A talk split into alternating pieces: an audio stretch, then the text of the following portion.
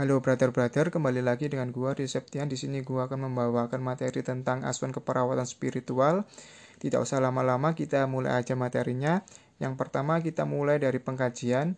Dalam pengkajian memiliki dua poin, yaitu asuhan keperawatan akan terjadi bila terbinanya hubungan saling percaya antara perawat dan klien. Yang kedua, aspek spiritualitas selalu dipengaruhi oleh pengalaman, kejadian, dan pertanyaan tentang kejadian penyakit dan perawatan di rumah sakit.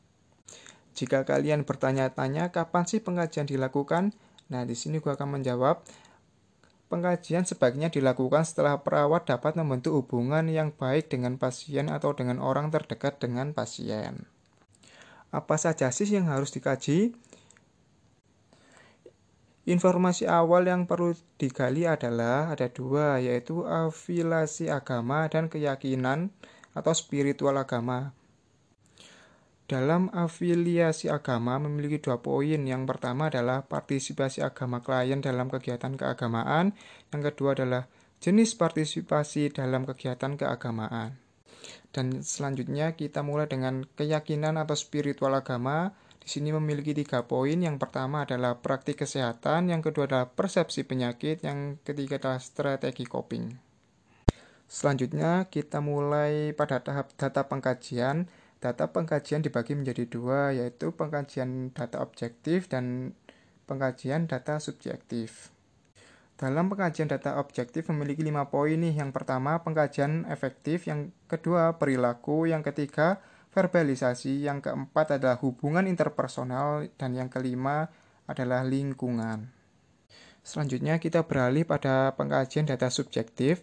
Pengajian data subjektif memiliki empat poin. Yang pertama, konsep tentang Tuhan atau ketuhanan. Yang kedua, sumber harapan dan kekuatan. Yang ketiga, praktik agama dan ritual. Dan yang keempat atau yang terakhir, hubungan antara keyakinan dan kondisi kesehatan. Selanjutnya kita beralih pada diagnosa keperawatan menurut para ahli. Yang yang ini gua ambil dari ahli uh, favorit gua yaitu Potter and Perry pada tahun 1997 yang berbunyi bahwa setiap diagnosa harus mempunyai faktor yang berhubungan dengan akurat sehingga intervensi yang dihasilkan dapat bermakna dan berlangsung.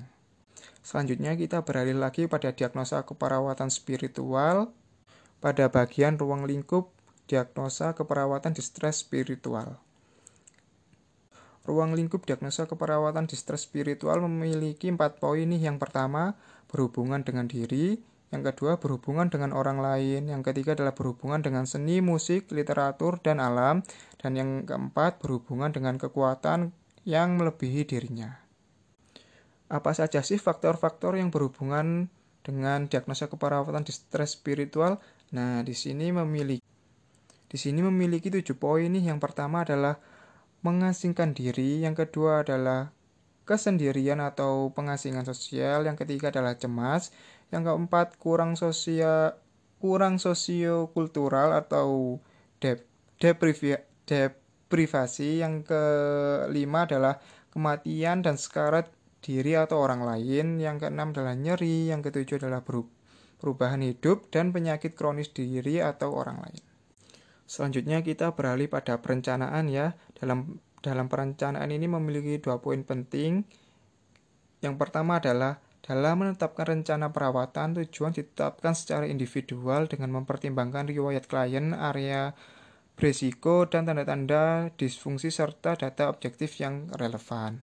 Dan yang kedua, tujuan askep klien distress spiritual berfokus pada penciptaan lingkungan yang mendukung praktik keagamaan dan keyakinan yang biasa dilakukannya.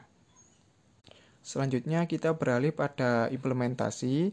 Dalam implementasi memiliki tiga poin. Yang pertama adalah periksa keyakinan spiritual ibadah. Yang kedua adalah fokuskan perhatian pada persepsi klien terhadap kebutuhan spiritualnya. Yang ketiga adalah jangan mengamsumsi klien tidak mempunyai kebutuhan spiritual. Implementasi menurut Amenta dan Bonnet tahun 1986 ada empat alat atau cara untuk membantu perawat dalam menerapkan perawat spiritual yaitu yang pertama menyimak dengan perilaku wajar, yang kedua selalu ada, yang ketiga menyetujui apa yang dikatakan klien, yang keempat adalah menggunakan pembukaan diri. Nah, selanjutnya kita pada tahap terakhir nih, yaitu tahap evaluasi. Dalam tahap evaluasi memiliki dua poin penting. Yang pertama, perawat mengevaluasi apakah intervensi keperawatan membantu menguatkan spiritual klien. Dan yang kedua, perawat membandingkan tingkat spiritualitas klien dengan perilaku dan kebutuhan yang tercatat dalam pengkajian keperawatan. Pada bagian evaluasi ini bisa berjalan lancar apabila tujuan asuhan keperawatan yang tercapai pada klien memiliki tiga poin penting ini nih. Yang pertama, mampu beristirahat dengan tenang. Yang kedua, menyatakan penerimaan keputusan moral atau etika. Dan yang ketiga, mengekspresikan rasa damai berhubungan dengan Tuhan. Nah, brother-brother, hanya itu saja yang bisa saya sampaikan. Semoga bermanfaat. Sampai jumpa.